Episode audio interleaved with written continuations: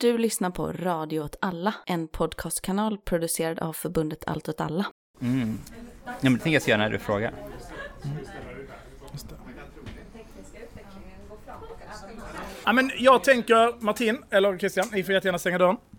Och som det kommer någon så är det väl bara en trevlig, autentisk känsla när dörren öppnas. Det händer lite grejer. Ja, vi spelar in just nu, eller hur? Mm. Ja, det rullar. Så allt bakgrundssål som är sagt är med. Ja, det här är ju ett, eh, ett lite ovanligt avsnitt för vår del och till er som lyssnar i efterhand. Eftersom att vi gör någon typ av liveinspelning då. Vi är på Bokcaféet Amalthea, Mm. döpt till hyllning av strejkbrytarbåten. Man kanske själv känner att man hade velat döpa kaféet till hyllning till den som utförde terrorattentatet. Men det är ju... Det är valfritt. Så är det. Ja, men det är ett fint namn. Det var inte det vi skulle prata Nej. om nu, det är sidospår. Recensera. Ja. Eh, 30 sekunder in. Har du några andra bokkaféer du, namn som du... Ja, men Tycker gillar lite som med, med krigsmateriel, att jag kan ändå uppskatta när man liksom ganska kliniska, rena namn. Så här. Bokcaféet i Jönköping. Till är det exempel, bara, Eh, ja. Förutom deras obrytbara stöd till Putin, så Men- kan jag ändå uppskatta att man är så här, det är ett bokcafé, det ligger i Jönköping. Och Syndikalistiskt forum då? Det känns ju lite mer, eh, mer diffust. Abstrakt på något Liksom. sätt. Det är ett ja. forum, här möts människor, man, man samtalar, det är lite grekiskt. Det är bara syndikalister där. Det är bara syndikalister som får delta. Nu får vi onda ögat från Amalthea här Jo, för att vi okej. pratar om alla andra bokkaféer utom just Amalthea. Eh, De har kanske bättre namn men sämre utbud då. Säkert. Så kan man säga. Amaltheas- Och heller inte bjudit in oss till att prata. Utbud är det bästa. Jönköpings. Bokcafé känns ju väldigt off just nu. Ja. Ja. Absolut. Det tror jag inte kommer hända. Nej, Nej. Det här är någon typ av livepodd. Det är inte live för er som lyssnar, men det är människor i lokalen. Det var alltså inte pålagda, eh, påtvingade fniss i bakgrunden. Utan det var riktiga känslor från riktiga människor. Och jag tänker att de flesta som är här har lyssnat på podden innan. Kan det vara så? Är det någon som är här och aldrig har lyssnat på podden? Varmt välkommen. Vad kul! Fantastiskt roligt. Jag ber djupt om ursäkt till dig. För det här, det, men vi ska försöka, ehm, vi ska inte prata så jättemycket om allas favoritavsnitt om Bumbibjörnarna. Utan vi ska försöka hålla fokus på NATO.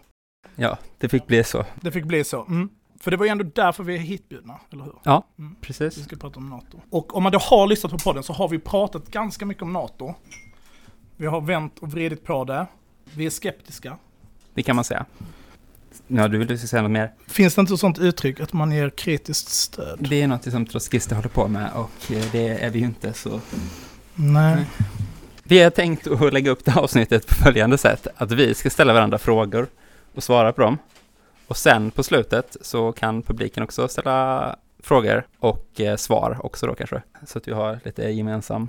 Och har man Görande. kommit hit och tänker att man ska göra upp med oss på något sätt, om något vi har sagt i något avsnitt, eller hålla en jävligt lång harang om någonting, som riktar AB, så är, vi, är det sjukt välkommet. För det är, det är extremt bra content om någon bara går apeshit och ska prata om folkmordet i Donbass. Så om det är någon så bara, vi kan ta det tidigare, eller kan du bara stanna kvar efteråt så att inte alla måste lyssna och så bara spelar vi in det och så klipper vi in det så att det låter med sådana nervösa fniss i bakgrunden. Ska vi börja? Vi, vi kör igång.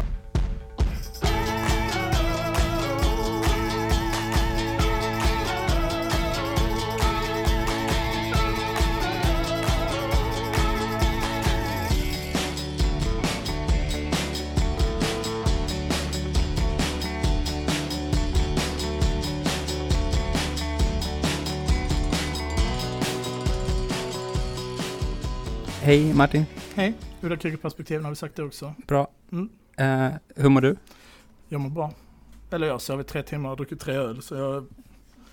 Det är, Som det, vanligt. Ja, det Ja. är som vanligt. Småbarnsliv och högfunktionell alkoholism kombinerat. Ja. Det- Härligt.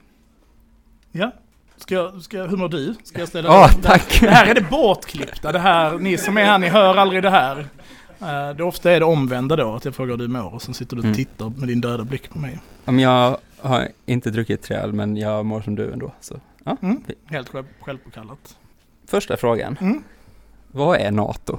Ja. Och vad innebär det att vara med? Ja men NATO, det har vi ju pratat om mycket, det är en försvarsallians. Från början 12 medlemsstater, skapas efter andra världskriget, sprunget ur ett brittiskt projekt att möta Sovjetunionens växande militärkraft. Ganska enkelt är det så att britterna framförallt som har sett sitt imperium någonstans falla sönder, först då efter första världskriget, men sen när liksom den ekonomiska makten flyttas över till USA, då känner att britterna så här, shit, det här funkar inte. Churchill är ju livrädd för Sovjetunionen och precis som jag nämnt i vårt NATO-avsnitt så görs det ju upp planer från britternas håll på att man kanske ska ta anfalla Sovjet när USA ändå är i Europa. Liksom. För USA har ju också ändrat linje under kriget och blivit mer aktivt antisovjetiska. Så att liksom NATOs grund är någonstans ett antisovjetiskt projekt, men också på något sätt antityskt. För att man fortfarande är så här, ja men de reste sig fan efter första världskriget, de kanske kan göra det igen och, och köra. Sen ger man liksom upp det och är så här, ja men det är Sovjet som är målet. Så att det är ju den här kombinationen av att det från början är då ett brittiskt projekt tillsammans med Frankrike, Belgien, Luxemburg och så, som sätter ihop det här. Och sen kommer liksom USA in och vidgar det här. Och det tas ju tacksamt emot eh, eftersom att USA är en sån extremt stark eh, ekonomisk materiell motor. Och sen så drar man ju med massa andra länder på det här i NATO. Det är Kanada, fascistdiktaturen Portugal, som är då en diktatur vid den här tiden. Italien, Norge, ja, Island, som eh, jag vet inte riktigt vad de skulle med att göra. Jag vet inte om jag hade förlitat mig på Island. Det är nog det enda, ett av få riktiga länder, om man får, riktiga länder om man säger så. Får man det? Man får säga Jag vet inte vilka det är som inte är länder. Det kommer nog mer an på här, det. eh, San Marino, är det ett land? Har Mm. de en armé? Ingen aning. Nej, det är du som skulle kunna svara. inte en armé. Det är ett av få riktiga länder som inte har en armé. Men nu sa du skulle- riktiga länder också. Men det var det du skulle sagt. Fram till eh, 1951 så händer det liksom inte så mycket, men sen bryter Koreakriget ut. Och då börjar liksom NATO, inte sådär jättemycket för att det är en NATO-operation på det sättet, så här artikel 5 försvarsallians. Men, men NATO kräver samordning mellan de här västerländska stridskrafterna. Och det är ju i samband med Korea som liksom NATOs de tar över eh, liksom massa mm, ledningsstruktur egentligen som, har, som britterna har byggt upp. Och applicerar det helt enkelt på kriget i Korea där man samverkar mellan brittiska och amerikanska trupper. Och så ser man ju det vidare då i Vietnam. Att då fortsätter ju många av de samarbetena som har byggts upp. Även om det inte heller är en NATO-operation. Eftersom att NATO då inte gäller i Stilla havet. För det är ganska viktigt med NATO. Att som namnet antyder så gäller NATO bara Europa, Atlantens norra del. Eh, Så man får liksom inte aktivera de artiklar som finns baserat på saker som händer någon annanstans. Som Hawaii då till exempel. Fast Afghanistan fick man det, men det, det var väl formellt sett för att 9-11 hände i... på östkusten. Ja. Idag så har NATO 30 medlemmar. Man kan säga att det går lite i vågor om de här medlemmarna går med. Man har liksom de som går med efter andra världskriget. Och sen har man de som eh, går med efter att Sovjetunionen kollapsar. Ska det enkelt för sig. Och i den sista vågen, absolut sista, är väl liksom det bältet där med Baltikum som går med 2004. Och det här är också under en period där Ryssland, inte Sovjetunionen då, för det finns ju inte, men Ryssland eh, aspirerar på att gå med i NATO, ska sägas. Och gå med i Partnership for Peace, vilket Sverige också är medlem i, som är något kan väl beskriva det som ett förstadie till att gå med till NATO, men, men det är också en eh, döda fattiga människor söder om ekvatorn samarbete. Kan man väl också beskriva det som. Alltså NATO också. Ja, fast det är ju bara Nordatlanten där. Ja, ja, ja, Just okej, det. okej. Mm. Mm. Ja. Så man, det är lite samövning och så. Det är ett, liksom ett sätt att, att kunna operera ihop med, med NATO. Där har vi svarat, nu är vi klara tänker jag. Japp. för Tack- där tack för ungefär, kom. det är väl ungefär det som är NATO. Roliga länder som är i NATO. Det är kul att Luxemburg är med i NATO till exempel. Mm. Känns också som ett land man vill hänga upp sin territoriala integritet på. Absolut. Albanien är också med. Det är Ja. kul. Eh, De kanske är det sista landet som går med. För de går med 2009 och Georgien försöker ju gå med 2008. Och avbryts ju då efter att eh, Ryssland eh, går in och rufsar till dem. Om man får uttrycka det Ja. på det sättet. Det får man inte. Nej. Nej men det var, det var, var det ett svar på din fråga? Ja, men det tycker jag var Mm. ett bra svar på min fråga. Det var kul när du sa roliga länder som har gått med och så räknar du upp dem och publiken är helt tyst. De tyckte inte det var roligt. De det, tycker, det, det tyckte jag var kul. Ja.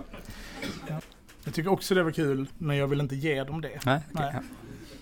Jag har en fråga till dig då. Vad har du ätit idag? Nej, jag har inte ätit någonting idag. Nej, det är, Eh, okej. Men jag har förberett lite här. Ja, För att vi ska äta det live. är i lite liksom, show, show lite- här lite det. show. Ja, vad ska du Jag har äta? fått mycket skit på Twitter för den här maträtten så jag tänkte liksom som en hämnd äta den live istället då. Man får inte äta i poddinspelning.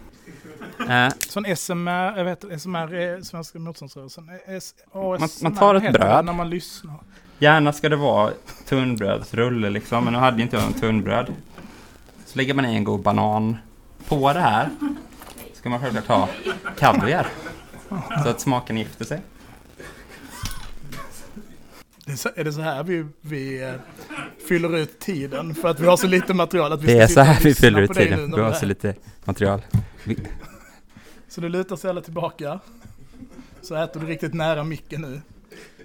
Nej, det där är sjukt. jättegott. Mm. Ifall det är någon som är sugen efteråt så kan jag bjuda på en macka också. Det kan jag Mm. prova. Mm.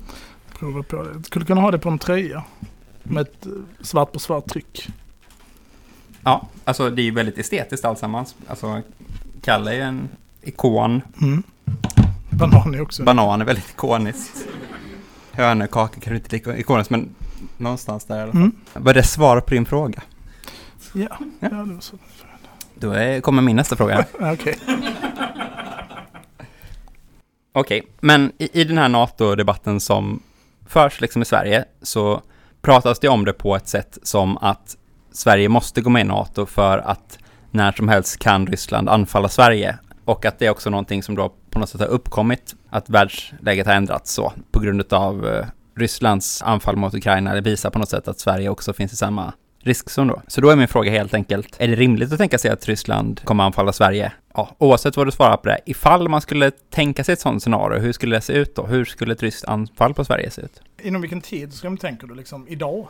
Här, eller inom loppet av att Ja, men- NATO-ansökan skulle ta så här, två år? Eller? Ja, men visst, absolut. I, i, du kan svara på båda, idag och kanske då på en eh, 10-20 års period också. Ja, men idag är det väl helt uteslutet att Ryssland skulle kunna anfalla Sverige.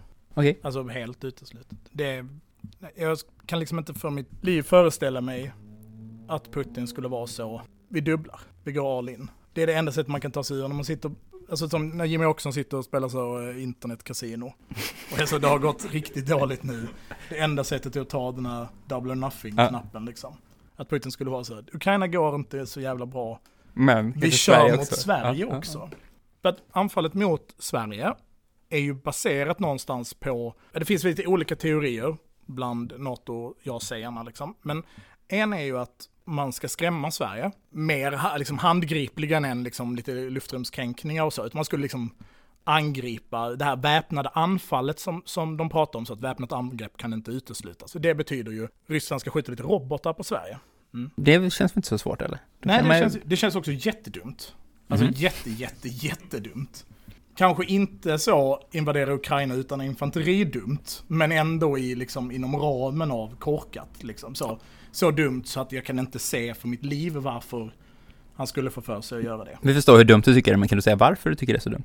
Ja, för att om det är någonting man gör, om man inte är Hitler 1941, det är så här, man förklarar liksom inte krig mot någon annan också. Så man, det är dumt. Varför ska de ha en ny front? De har en lokal konflikt som trots västs inblandning med militärt stöd till Ukraina, man vill inte öppna upp en ny front, så ställer liksom riskerar nya förluster eller framför allt kräver massa krigsmateriel på plats som annars kan lösgöras för att hålla nere Kaliningrad och liksom västra militärdistriktet, delen av det som fortfarande lever och hålla sig säker mot Baltikum. För att ett väpnat angrepp, skjuta robotar på Sverige, det bygger ju också någonstans på teorin att att verkställa ett hot får effekten hotet i sig inte hade. Så gör som jag säger, du gör inte det, jag slår dig i ansiktet.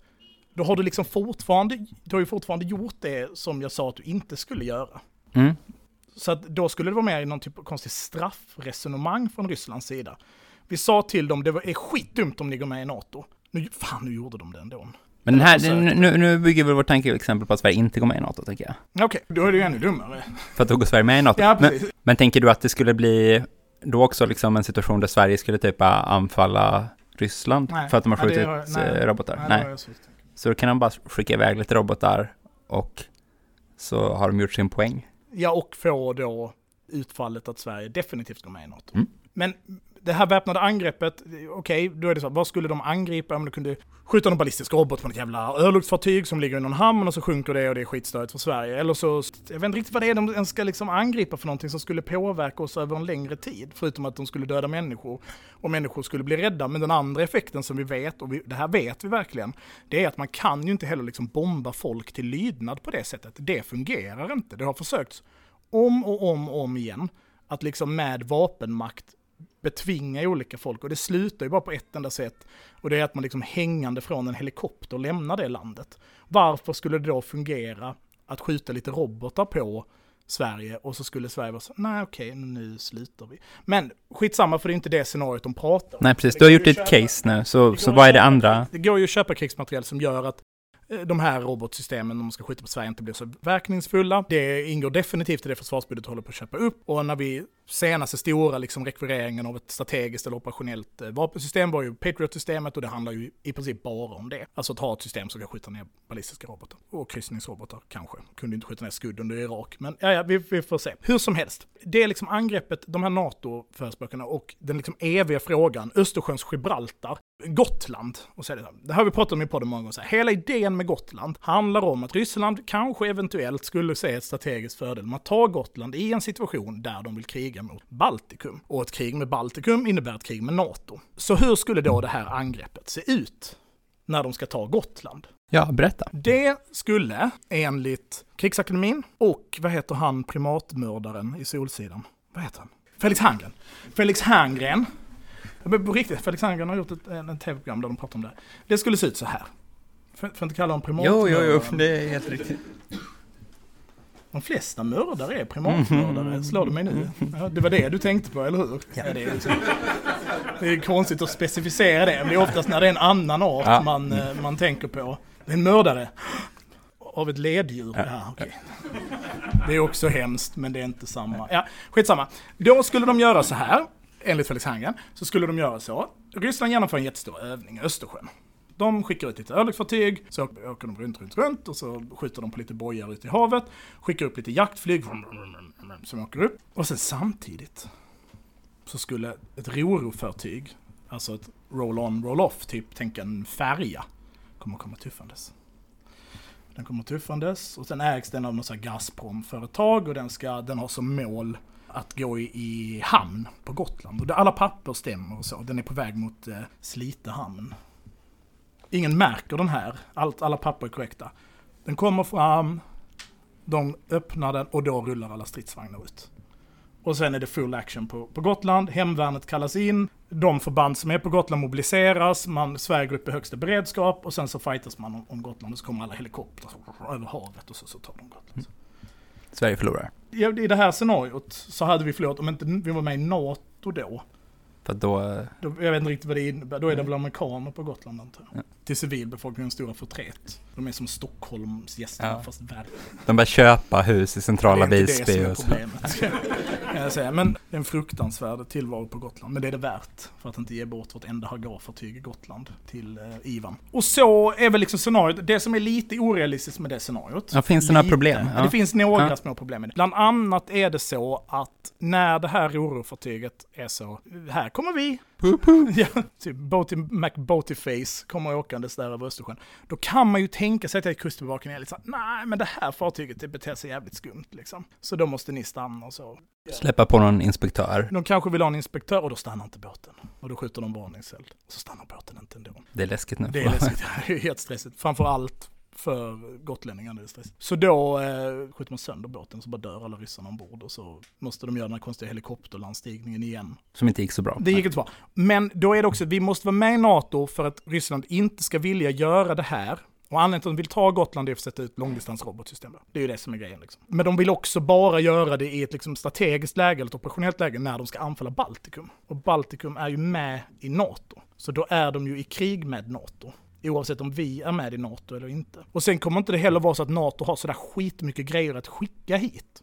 För att om det händer på det lilla, lilla stället, men otroligt viktiga, Östersjöns Gotland. Gibraltar, ja, då är det ju så att, nu ska jag försöka uttala ett ortsnamn. Vi bara kör. Riv av plåstret. Vi, jag kommer att säga Sovlaki, Ja. men det är en grekisk oregano, vitlök, olivolja, marinerat fläskkött. Mm. Su, su, Suvalki-korridoren, någon som vill rätta mig i publiken? Suvalki. Det finns en liten landremsa, det har varit ganska mycket snack om den precis. Och den är ganska viktig, för då är det så här, mellan Kaliningrad, alla vet var Kaliningrad ligger, en liten, liten rysk plätt. Och så ligger det liksom Polen, och sen så är det Litauen va? Ja. som ligger norr. Och sen ligger Belarus, eller Vitryssland då, öster om det. Det finns en liten remsa mellan Belarus och Kaliningrad. Och den heter då inte Slovakikorridoren utan Suvalki-korridoren, kanske. Och den remsan är det så att om Ryssland går in och stänger den, då är hela Baltikum avskuret. Så det är där alla är. Alla är så om det någonsin blir krig mellan eh, Ryssland och NATO, då kommer det här vara det första stället det smäller riktigt, riktigt mycket på. För då skulle tillsammans med, och det kan ju Ryssland göra från Kaliningrad i teorin, stänga Östersjön. Då har man skurit av hela Baltikum, alla trupper som är där. Och så kan man då systematiskt på något sätt föra krig i, i Baltikum. Och på andra sidan, ifall NATO går in, så har de stängt Kaliningrad från Ryssland. Precis, så att även om, om angreppet då skulle komma från, så kommer det liksom vara där. Och det är ju därför alla har samlat svin mycket trupper där. Nu då, sedan Ukraina, så har ju, har ju NATO, sin, NATO sin Rapid Deployment Force, som är väl upp till typ 40 000 man med liksom det finaste krigsmateriellet NATOs eh, samlade styrkor kan få fram, som är bara redo där tillsammans med en massa tyskar och spanjorer. Och Ryssland i sin tur har liksom nästan alla stora övningar de har är i liksom anslutning till den här platsen. För det är där, det är liksom där det kommer att bli krig. Ganska lik då den här Fulda låsningen eller Fulda korridoren, Fulda Gap som man pratade mycket om under kalla kriget som var så här, det här är stället det kommer att bli krig under. Under kalla kriget genom Östtyskland mot Västtyskland så är det här det kommer att bli krig. Så det är ju liksom en extremt militariserad zon. Och att då någon ska vara så här, ja men vi kan, ja men fan vi hjälper Sverige att ta tillbaka Gotland. Det känns ju inte sådär supertroligt på liksom det korta hållet. Det enda sättet ja-sägarna skulle kunna få rätt då, det är väl att vi har en permanent, ganska ordentlig NATO-styrka belägen på Gotland. Och då är Gotland definitivt ett militärt hot. Alltså Mål. Ja. mål, liksom ett operationellt och strategiskt mål. Tycker jag var ett bra svar på frågan. Ska jag fråga dig någonting nu? Det är så vi har lagt upp det här, men du... Okej, du får ju i podden ofta ta på dig rollen av att vara vår liksom anti-anti-impare på något sätt. Ja. Mm. Skulle man också kunna säga pro-imp, men det känns Nej. konstigt. Eh, och då tänker jag att eh, vi, eh, att folk undrar, jag undrar, vi har aldrig tid att prata om det annars. Hur ställer du dig till liksom USAs utvidgade intressesfär? För liksom hur man än betraktar det så har det ju successivt skett en utökning. Det, Ryssland är inte omslutet av NATO-baser, det är liksom, det är en överdrift. Men det har ju definitivt skett, skett en utvidgning av NATO, framförallt sen det eventuella avtalet vid kalla krigets slut. Är det något man ska vara motståndare till och i så fall varför? I din roll som anti-anti-imperial? Mm. Genast ska då flippa bordet och ta rollen som anti-imper istället och säga Slug. Jo, precis. Nej, men det är klart att liksom hela grunden i, inom imperialistisk konflikt på något sätt mellan liksom Ryssland och ett NATO-block är ju bara kass alltsammans. Och ingen sida vill man liksom stödja. Allting borde bara sluta och alla borde sätta blommor i världen och det borde bli fred överallt. Och det är klart att det finns liksom också väldigt tydliga intressen, alltså från den amerikanska staten och så, i den här utvidgningen. Det är inte för att man vill vara jättesnälla mot några länder och skydda dem någonstans, liksom, utan det är ju deras geopolitik som drivs genom NATO. Och NATO är en organisation som i sitt liksom agerande och funktion står för de amerikanska geopolitiska ambitionerna. Så på ett principiellt plan, absolut, tycker jag man ska vara emot det. Men jag tycker också, och nu kommer det, vändningen igen, att man gör det ju väldigt lätt för sig ifall man liksom i förhållande till människor som bor i olika länder som brukade vara en del av Sovjet har hållningen att så här, vad dumma ni är som är med eller vill vara med i NATO. Stora delar av befolkningen i de länderna känner sig ju ändå hotade av Ryssland och det hotet är ju reellt, som vi har sett flera gånger liksom. Och i praktiken så fyller NATO för dem funktionen av liksom en försvarsgarant. Och då tycker jag att det är ett konstigt ovanifrån perspektiv eller liksom så att säga till dem på något sätt. Ni borde i liksom anti-USA-imperialismens namn utsätta er för den här faran liksom. Det är ju rimligt på något sätt att, att påpeka hur man ser på hela världen och vilken roll NATO har och så i det. Men eh, jag tycker man ska akta sig för liksom att det ska vara i form av pekpinnar på något sätt i den frågan. Jag hämtar ett glas vatten så tänkte jag lite på det. Jag ska. Det var ett så dåligt svar att han var tvungen att gå härifrån. Det är jobbigt. Uh, ja, det... Jag tänker att man... Ja, ehm, men som då, det lät ändå som att du sa att du var motståndare där i början. Ja. Ja. Det är en liten klurig... Du gjorde, eh, ja, du, svar, båda svaren samtidigt på något ja. sätt. Så. Tänker du att... Nej, alltså absolut motståndare till NATO, men jag bara tycker att man får ju, när man diskuterar den frågan, ha de förutsättningarna i beaktande. Ja. Mm. Nej, jag har ingen bra... eh, Nej. Ingen bra. Det är för att jag har rätt, som du inte har någonting att säga tillbaka. Du vann. Ja, yes. ja men då är det min tur att fråga dig då. Verkligen försöker korta ner mina svar. Nej, men det- det- de här Bumbibjörnsfrågorna. Ja. Mycket när man snackar om NATO är ju fokuset på artikel 5, som Det alla vill ha. det är det alla vill ha. Att blir ett land anfallet ska alla andra länder som är med i NATO svara så som om de själva har blivit anfallna. Och det låter ju väldigt fint, men ifall man tänker på liksom hur stater och militärer tenderar att agera och försvara sig själva först och främst liksom, och kanske borgarklassen i sina länder före alla andra i sina länder och så vidare. Är det verkligen realistiskt att tro att alla medlemmar kommer agera så som artikel 5 är skriven i händelse av ett anfall på ett NATO-land, särskilt ifall det är ett då mindre centralt NATO-land. Ifall det är Albanien, kommer verkligen alla svara så som ifall det är ett anfall på USA? Nej, det tror jag man liksom, man kan också titta. Artikel 5 har ju bara använts en enda gång och det var ju då efter, efter september 2001, inte efter Pinochets kupp. Där hade NATO inte gällt. Så är det ju så att om man tittar på agerandet och hur den artikeln är formulerad så kan jag väl säga att det är ganska tydligt att länderna inte agerar som om det hade hänt i deras egna länder. Så. Däremot så tror jag att man kommer att se ganska likt situationen i Ukraina. Antagligen betydligt mer aktivt. Men om vi tar NATOs andra största armé, Turkiet? Så är det ju så att Turkiet till exempel befinner sig i ett strat- strategiskt läge där de har liksom möjligheten att öppna en helt ny front mot Ryssland vid den här klassiska Ryssland anfaller västerut. Jag vet liksom inte varför vi räknar med att det är det som ska hända, men vi ponerar den här klassiska liksom kalla kriget. Det har jag med mycket, mycket, mycket, mycket svårt att se.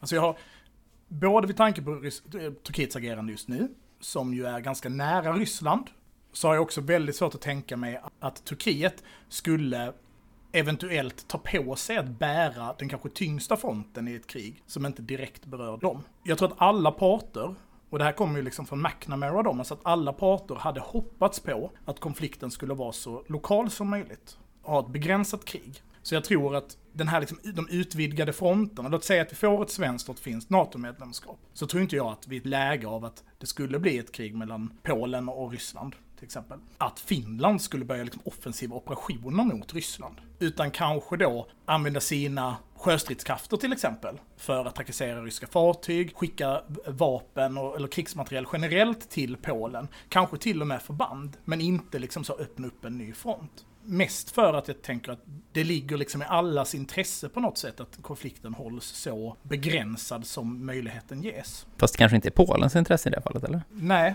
och där kanske realpolitiken spelar in istället. Det blir väldigt svårt att säga om det, men vi kan ju titta på när Turkiet till exempel bad om att faktiskt, eller bad gjorde de inte, när Turkiet var så här, vi kanske ska aktivera artikel 5. Då var det ju jättetydligt för resten av något som var nej, nej det, vi kommer att veta det liksom. Det kommer inte hända. För det är också att NATO är en konsensusorganisation och det innebär att för att artikel 5 faktiskt ska aktiveras så måste alla länder godkänna att det är en rättmätig liksom åberopan av artikeln, eller hur? Mm. Så det räcker med att någon då, till exempel Turkiet, säger nej, det här var inte artikel 5 på riktigt liksom. Ni, ni kan inte, det här räknas inte för att eh, Litauen blockerade faktiskt transporten till eh, Kaliningrad det var de som började kriga då. Nej, man kan ju verkligen se hur de har byggt in sig i ett sånt riktigt autonomt problem. Fast på mycket, mycket större skala. Alla ni som suttit på ett samordningsmöte inför första maj. Så att vi tar beslut på konsensus och säger man så här, men om Turkiet håller på att jävlas den här gången, vet du vad vi gör då? Då bara sparkar vi ut.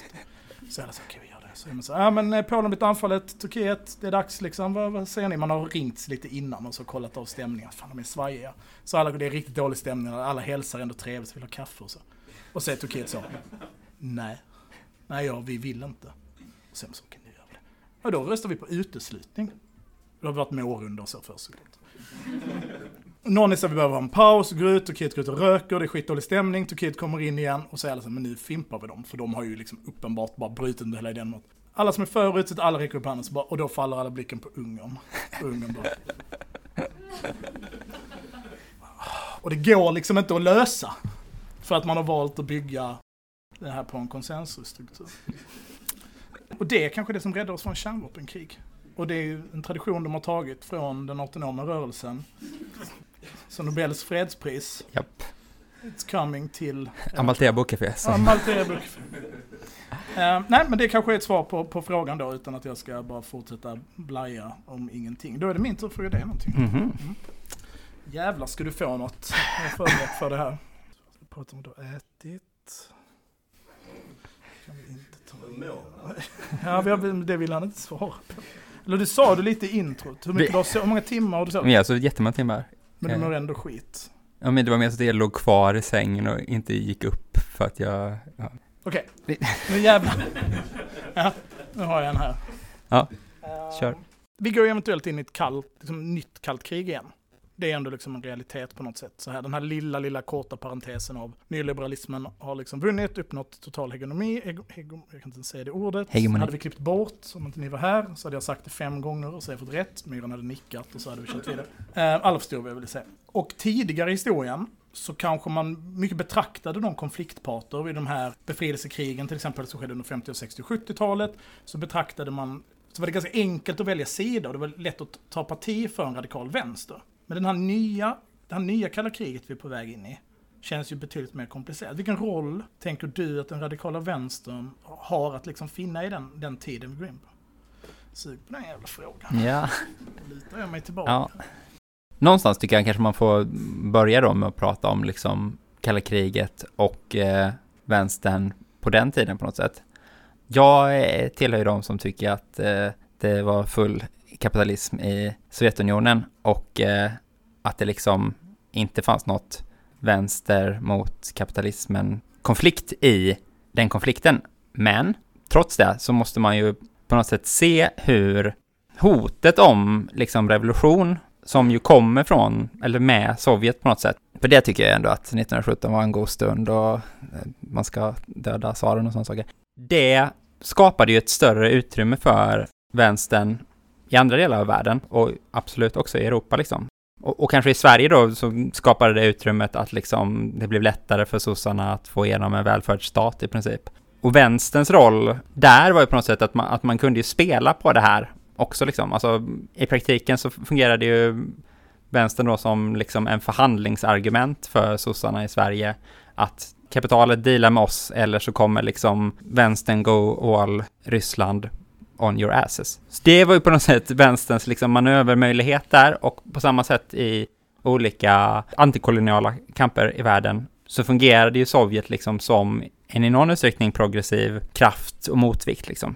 Den rollen tänker jag att vi inte ser Ryssland ha idag i en konflikt mellan eh, NATO och, och Ryssland. Och sen så ifall du säger att vi går in i ett kallt krig nu, då kanske man snarare tänker att det är i ett längre, pers i ett längre perspektiv skulle det kunna ligga mot mellan, mellan eh, väst eller NATO eller vad man nu beskriver det som och Kina. Och det pratar vi ofta om i podden också, liksom hur att även ifall allt fokus är på Ryssland just nu så i ett större, liksom längre historiskt perspektiv så är de tydliga stora maktblocken i världen som är på uppseglande Kina liksom och ja, USA på något sätt då som kvarstår. Och jag tror inte heller där att man kan riktigt se den dynamiken som vi hade liksom under större delen av 1900-talet.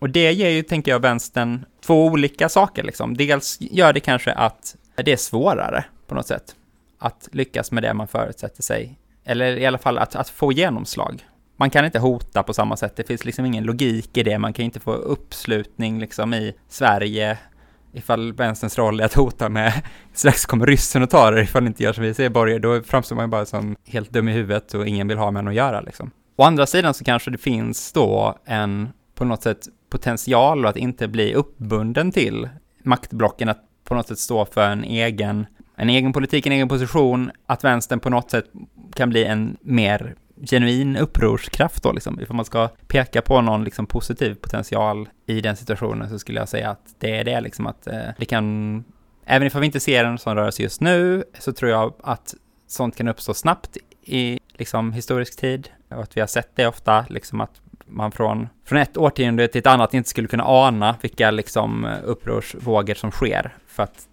det är liksom den här mullvaden rör sig under jorden tills den kommer upp liksom. Menar du då för att liksom, en sån typ av geopolitisk konflikt skulle rita om liksom, hur samhället fungerade på något sätt? Eller menar du liksom i egenskap av den typ nationalistiska hysteri som måste uppstå och vi till viss del har sett liksom, under, under de senaste månaderna?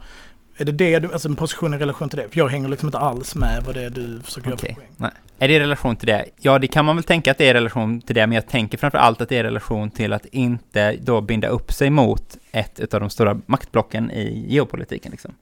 Att vänstern ändå gjorde det i olika utsträckningar under 1900-talet. Att, att vänsterns eh, politik, alltså vänstern i bred bemärkelse, ofta var tvungen att förhålla sig till vad Sovjet eller Kina gjorde liksom. Och det påverkade ens egna ställningstagande och så.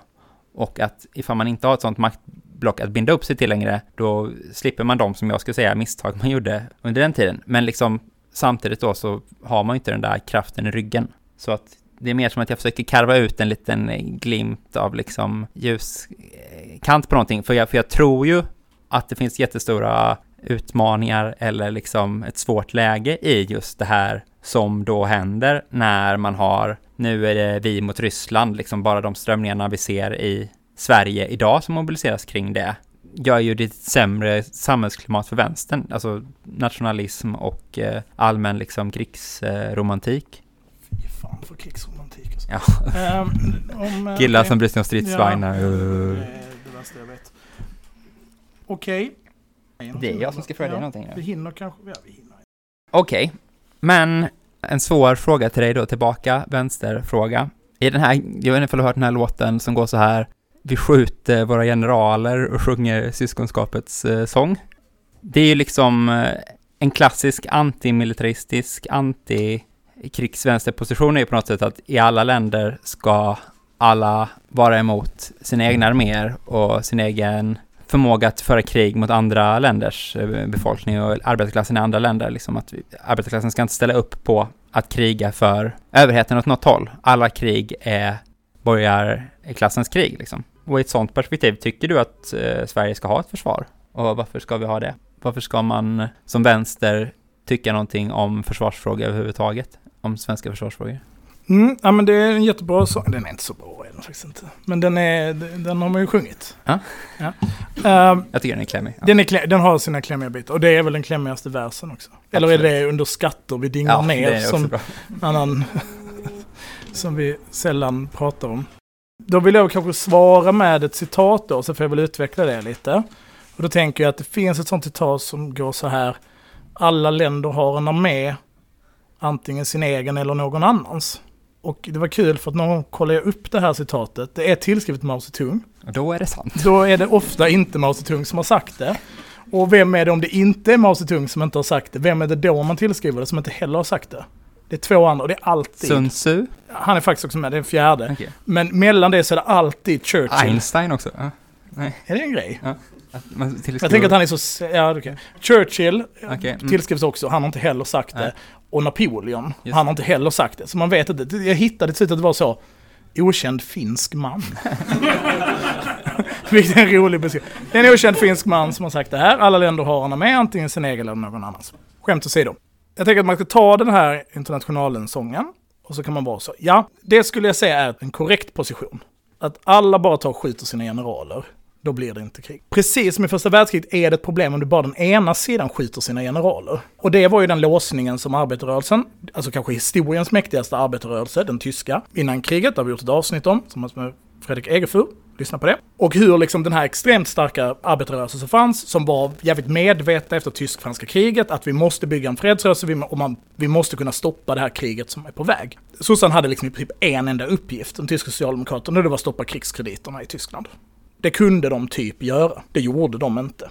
Så mycket för att sjunga den sången. Och, då, och, och, här, och sen så blir det superproblematiskt. Liksom. Så jag, jag tänker att man får vara så här. I en värld där starka nationer med våldsmakt försöker påtvinga sin vilja andra länder, så har de länderna, kanske inte i sin egenskap alltid som nation eller stat, men som människor, rätt att försvara det de uppfattar är deras. Sina hem, sina platser de känner känslor för. Människor är till exempel inte förpliktigade att fly undan någon annans vapenmakt. Man har rätt att, eh, att kämpa. Den liksom argumentet som är så här, Ukraina kan ju bara kapitulera. Så tar kriget slut. Så, det är ju det är en position, det är sant, kriget skulle ta slut. Men det kommer ju också liksom ett offer för de här människorna. Och så återigen på en teoretisk nivå så skulle man säga, ja men det kanske hade varit bäst. Jag tänker att det är en ganska privilegierad position. För jag kasta det på dig. Du, att en du intar en väldigt privilegierad position. Får jag få frågan. sluta tycka det här kanske som jag tyckte alldeles Ja. för att för det första så förutsätter den att det är någon, alltid någon annan som ska fly. Det är alltid någon annan som ska ge upp. De kan ju bara sluta bråka och så bara löser det sig. Och man kan ju höra det argumentet gå igen. Ironiskt nog så är ju detta liksom högerns sån fråga. Alltså när man är så, men varför strejkar de och bråkar? De kan ju bara säga upp sig och skaffa sig ett annat jobb. Eller varför, gör de, varför, varför kastar de sten? Varför är de arga? Varför känner de de här känslorna?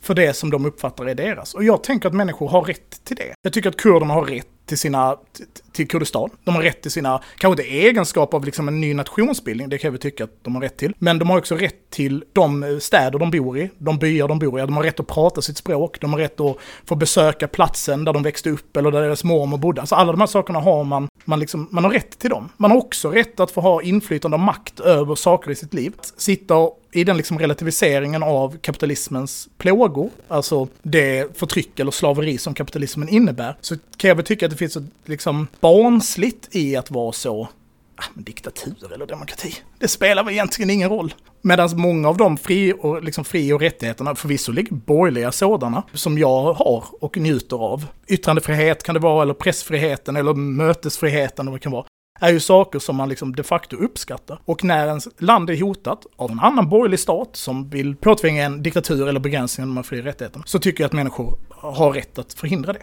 Det är väl den ena sidan av det. Den andra sidan är så, det är verkligen en teoretisk konstruktion. För det är också så att man kan inte tvinga på, man kan, alltså det hände någonting genom historien där den här typen av modernistiska krig slutade fungera. Det går inte att erövra länder på det sättet längre. Och det har antagligen att göra med att staten inte längre på samma sätt är garanten för ett folk. Det är väldigt abstrakt så. Men du kunde, 20 år, man släppte tusentals bomber över Afghanistan. Man eh, begick eh, precisionslönnmord på i princip varenda ledare för talibanerna. Varenda högre uppsatt person inom det pakistanska organisationen Och det gick inte. Rörelsen bara växte. De miljontals bomber, eh, det vet jag inte, det är kanske en överdrift.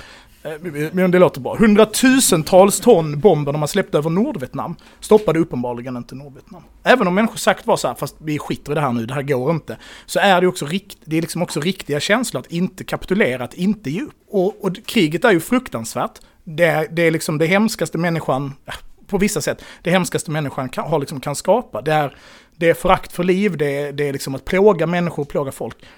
Men just för att det är det, så måste det också inte få fungera. Det tänker jag också är en viktig, varför Ryssland behöver förlora i Ukraina. På samma sätt som att jag är ju ingen anhängare av Baathpartiet eller Saddam Hussein. Vi har inte sådär jättemycket gemensamma politiska idéer. Men när USA påbörjade sin invasion av Irak så var jag så, jag hoppas att de misslyckas. För att så här får, man får liksom inte göra så här, man får inte bara föra krig mot andra länder. Eller det kan man få. Och det, det finns väl två, just albellum, liksom två, de rättfärdiga krigen, när du, får, när du får begå krig. Och det är när du försvarar ditt land, i den meningen att det andra landet har faktiskt angripit det först. Inte genom påhittade liksom Tonkin-incidenten eller massförstörelsevapnen i Irak, utan vi blev anfallna, vi får föra krig för att, för att det här kriget ska ta slut. Och den andra är för att stoppa folkmord. Och då, då är väl krig rättfärdigt. I alla andra fall är jag konsekvent motståndare till krig. Och för att vara konsekvent motståndare av krig så måste man också kunna stoppa den angripande parten. Och i den mening så tänker jag att vi behöver ett försvar. Sen kan man organisera försvar på väldigt olika sätt. Det går att göra dem demokratiska, det går att göra så att de har inbyggda mekanismer som omöjliggör att de används till liksom imperialistisk makt projicering. Och det tror jag är jätteviktigt och det tror jag är den stora faran. Och det har jag ju skrivit flera texter om, att jag tror att det är det som är den stora faran med när vi ser att vi rustar upp ett försvar igen. Men då ska man komma ihåg att det enda försvaret vi hade efter att vi la ner totalförsvaret var ett försvar, en krigsmakt, för att kunna projicera imperialistisk makt i andra länder. Det var för att kunna skicka trupper till Mali, det var för att kunna skicka trupper till Afghanistan. Det var det hela vårt försvar var konstruerat till att göra. Det står uttryckligen i liksom försvarets dokument. Så ja, min fråga är, ja, jag tycker vi behöver ha ett försvar, men jag tycker också att det är en superkomplicerad fråga. Ja, jag tycker man borde skjuta sina generaler, men jag tycker också att båda sidorna måste skjuta sina generaler. Det måste finnas någon sorts pakt. Det fanns Skulle, ju en man sån skulle pakt. kunna kalla det kanske, jag vet inte, international eller något. De, den, den fanns ju och så ringde de och sa har ni skjutit, har ni skjutit era generaler? Vi, nej, vi har inte gjort det än. Man skulle bara kunna lyckas den här gången. Ja. Ett tredje krig du kanske är för också, kommer jag på, alltså inbördeskrig. Ja, är det krig? Okej. Ja, nu har vi ju återigen dragit, eller fan klockan är prick sju. Japp. Tack för oss. Hej då. Nej, jag har fler frågor. Fast det är så jävla varmt här Ja. inne. Jag tänker att vi skiter i det. Mm. Och Och så... så, får ni jättegärna, har det någon som har någon fråga de vill ställa? Eller jättegärna den här flippade harangen. just det, ifall det är någon som ska skälla ut oss nu, så nu öppnar vi upp golvet för det helt enkelt. Ja, Ja. Man ju om...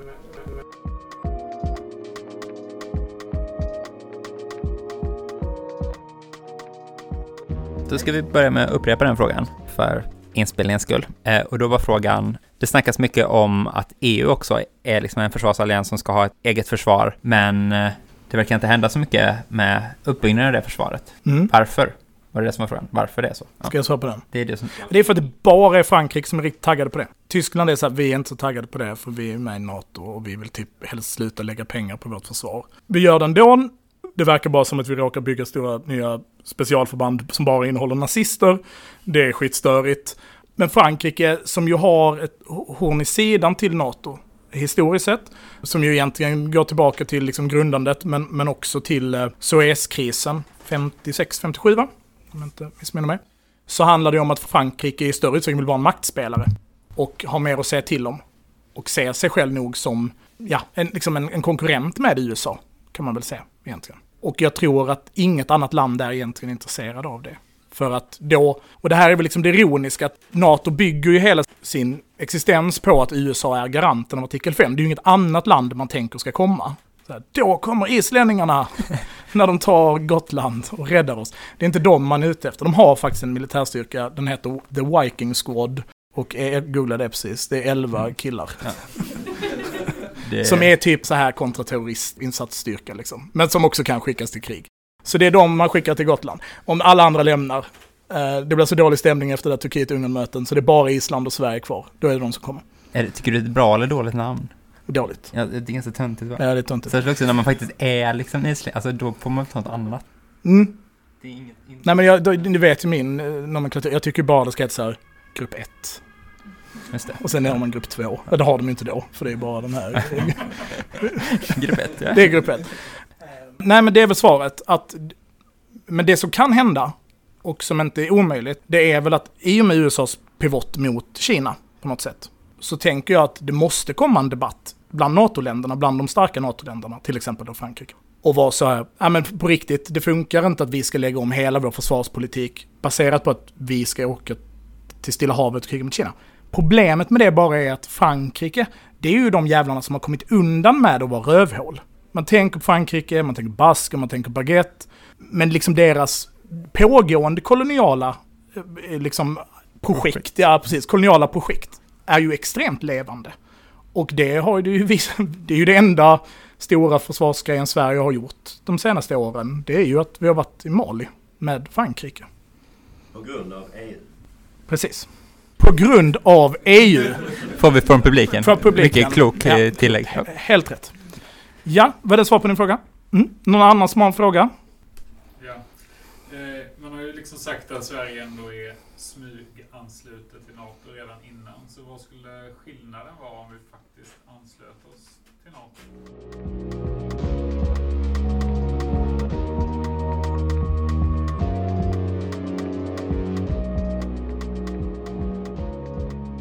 Ja, då var frågan. Det sägs att Sverige smyg ansluter till NATO redan. Vad skulle skillnaden vara ifall vi gick med formellt? Och det är ju faktiskt det riktiga argumentet för att gå med.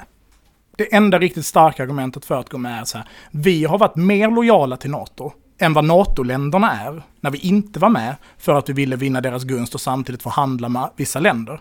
Sverige har ju gjort otroligt mycket mer under kalla kriget vad gäller signalspaning till exempel och för att liksom kunna samverka med NATO än vad många, många, många NATO-länder. Ja, det är Island vi pratar om bland annat. Som, det kanske är 2% av deras BNP å andra sidan, att ha 10 killar liksom. Ja, men, men att ett NATO-medlemskap skulle kunna göra att den pressen att vara så extremt lydiga hundar åt USA skulle minska. Jag tror inte det, utan jag tror att det det skulle göra, det är att våra hökar vi har i Sverige skulle få ännu mer liksom politisk kraft att få oss att delta i amerikansk utrikespolitik. Och kanske uppbyggnaden av försvaret, det har vi också pratat om, skulle justeras. För att nu, den här omställningen som ändå har skett på något sätt, att man ska bygga ut försvaret igen, har väl ändå haft ett fokus på liksom faktiskt defensiva stridskrafter. Men då, ett formellt NATO-medlemskap, då är det sådana saker som kanske börjar influeras, liksom, som vi kanske slipper ifall vi fortsätter vara utanför. Men är det till exempel så att, att det som händer är att amfibiekåren ska byggas ut extremt mycket och vi bara ska fokusera jättemycket på olika landstigningsfartyg och kunna samverka med amerikanska flottan och det ska vara vår försvarsmakt. Då är det ju inte i Östersjön vi kommer att kriga, utan då är det för att vi ska kriga i Stilla havet med USA. Så. Med ett NATO-medlemskap så tror jag att de rösterna kommer få, få mer kraft att kunna driva liksom försvaret åt det hållet. Var det ett svar på frågan? Mm, vi, har, vi har två frågor. Vi börjar här. Ja. Det är väl solidaritet med Syd som vi kommer att bli frånsägs totalt. Det är det jag menar med att vi blir, liksom, blir en del av amerikansk utrikespolitik. Alltså att, och det är ju också vår utrikespolitik och EUs utrikespolitik, det ska man inte, ska man inte separera, helt separera sig från. Du tänker att det, det grundar sig på solidaritet med Syd. Jag tänker att när vi inte var med i, i NATO så var heller vår, var vår solidaritet med Syd också väldigt dålig. Men du tänker att det kommer liksom låsa oss till att det, vi aldrig kommer kunna slå in på den linjen. Mm. Ja, det är ju ett rimligt argument. Absolut, det håller jag med om. Då går vi vidare.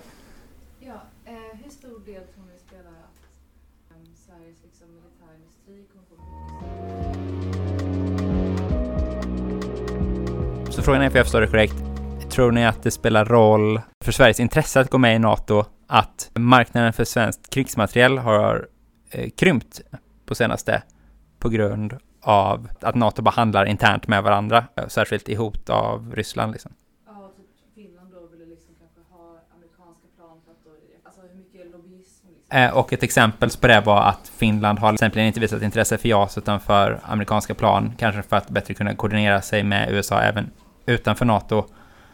Och då liksom, är det svensk JAS-lobbyism? Har den påverkat liksom Sveriges politikers driv att vilja gå med i NATO? Ja, alltså bara en sån uppenbar sak som att när det var en upphandlingsfråga, var den med Finland? När Danmark, när NSA avlyssnade, från Danmark avlyssnade förhandlingarna om, eh, om försäljningen av JAS. Det kanske de slutar med ifall vi går med i NATO till exempel. Så det låter ju låter smidigt. Jag tror att det spelar extremt stor roll. Eh, jag, jag tror att, och det tycker jag räcker att man kan läsa Dagens Industri, Um, att det är liksom NATO-medlemskapet trycks jättemycket från, från svensk, eh, svensk industri. Och det, det gäller ju på den internationella marknaden så handlar det ju framförallt det Sverige producerar, förutom vissa vapensystem som, som är ganska spridda, handlar det ju om svenskt stål och stållegeringar till stridsvagnar till exempel, som ju Turkiet då har köpt eh, tidigare tills man lyckades stoppa det genom aktivism. Så det tror jag att både att det finns en stor lobby från, våra, från ägarna av de här företagen och de är också extremt tätt knutna till Socialdemokraterna till exempel, många av den krigsindustrin. Och nu när det är så att vi ska rusta, jag skrev om det här innan vi började spela in, men just nu när vi håller på att rusta och vi diskuterar de här extrema resurserna det handlar om, det har redan skjutits till nästan 3 miljarder kronor till försvaret, både till det militära försvaret och till civilförsvaret, så är diskussionen var de här pengarna ska tas ifrån. Och då är det ju en diskussion bland annat om det man då kallar för beredskapsskatt. Alltså att man går in och skapar en ny skatt. Och hur rimligt det är att det sätts på företag, speciellt företag som är kopplade till krigsindustrin.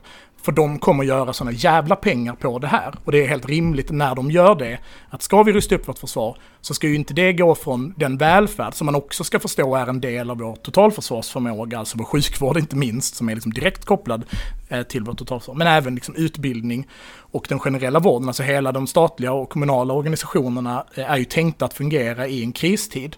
Um, och de kommer behöva mycket, mycket mer pengar ifall vi föreställer oss att det ska bli krig. Eh, och vi ska rusta för det. Då måste ju även deras strukturer att hantera äldrevården till exempel i ett läge av, av, av eh, väpnad konflikt. Så. Um, och, och, det borde komma ur deras fickor. Liksom. Och inte från, eh, ännu mer från sjukvården eller skolan. Mm. Nu måste vi sluta. Jag skulle säga det, jag, jag är sugen på att sluta, men är det, är det någon som känner att de verkligen har någonting? Vi, vi gör en sån här, eh, nu får man räcka upp handen och sen så... får man aldrig mer räcka upp handen. Får, får man inte lägga upp handen. Och då har vi tre händer tror jag. Ja, och då, och då så vet jag inte som är först, men spelar ingen roll. Ja. Där längst bak. Alltså vi har ju inte pratat om det viktigaste av allting, det vill säga hur vi ska organisera oss. För det är liksom gett upp. Just nu är det liksom fem personer i Rojaga-kommittén i Stockholm som är frontlinjen i motståndet.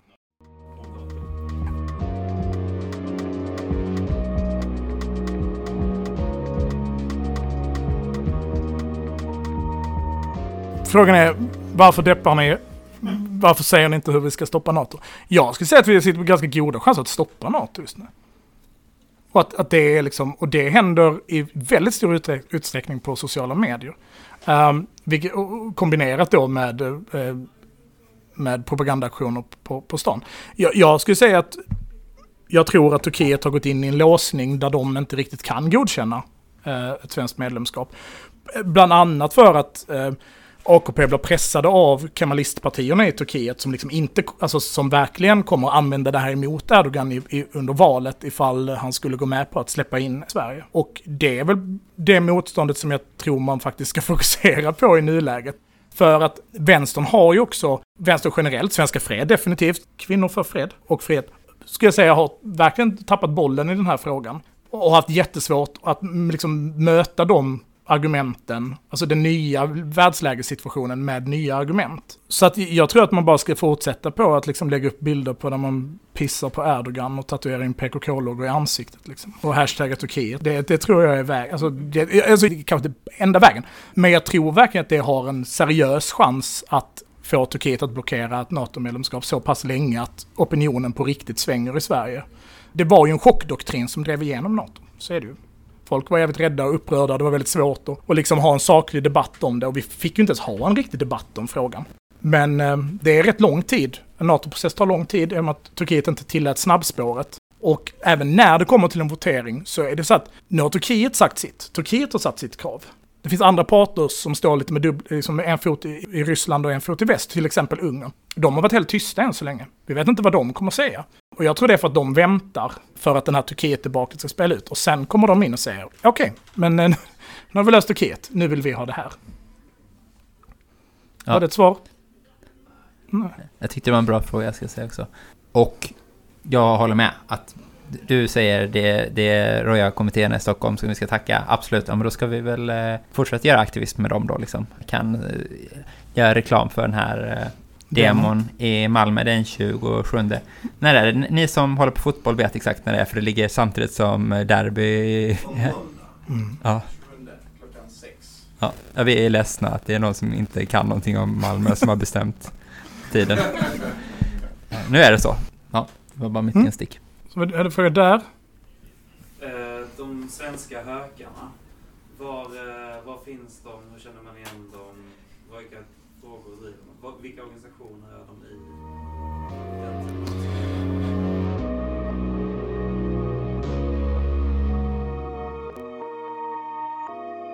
Frågan var, var finns de svenska hökarna du har pratat om? Alltså, framförallt så finns det en, en stor, stark som falang inom Moderaterna.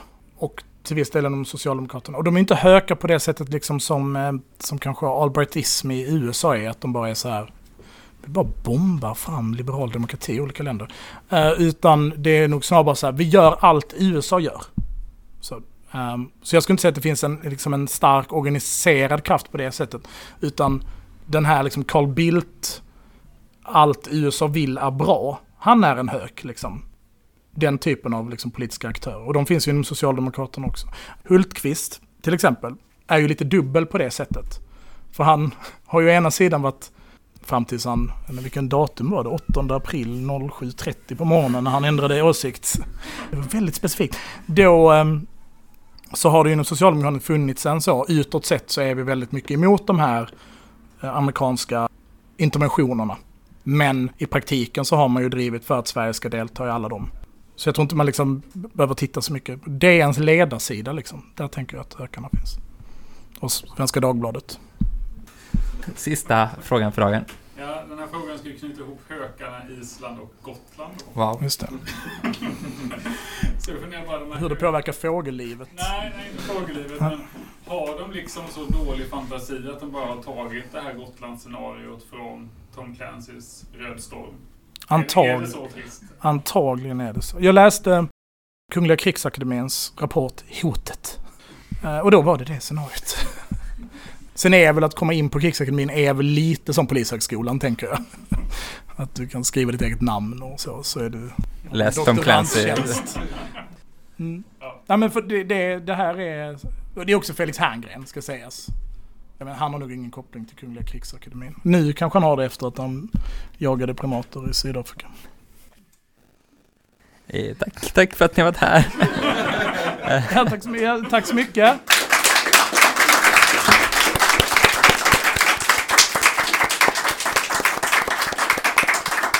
Ska vi säga alla de här orden nu? Jättesnabbt. Har vi det i det här avsnittet också? Miran, är det reklam för den här? Ja, Köp en tröja, snälla. Oj, vad snygga mm. de är. De Titta vad snyggt, vad är det som kommer flygandes? Oh, wow. Den finns också i grått ifall man vill ha en camo-variant, men då får man eh, kontakta oss Ja, per. DM. Vi har en Facebook-sida, en Twitter, en Instagram och sånt där. Lyssna på de andra avsnitten där vi säger det ifall ni vill veta mer om det. Just det, de är i slutet. Så om ni bara vill lyssna på det Hoppas. så är det precis i slutet, två, tre minuter i slutet. Köp en tröja. Man kan eh, köpa tröja på Allt allas webbshop. Eh, man kan också köpa den av Myran. Nej. Men av någon annan Just nu kan man Ja, köpa okej, den. okej. Eller om man... Okej, gudbevars. Mm. Tack så mycket för att ni har lyssnat. Tack. Ha det bra. Hej! Hej.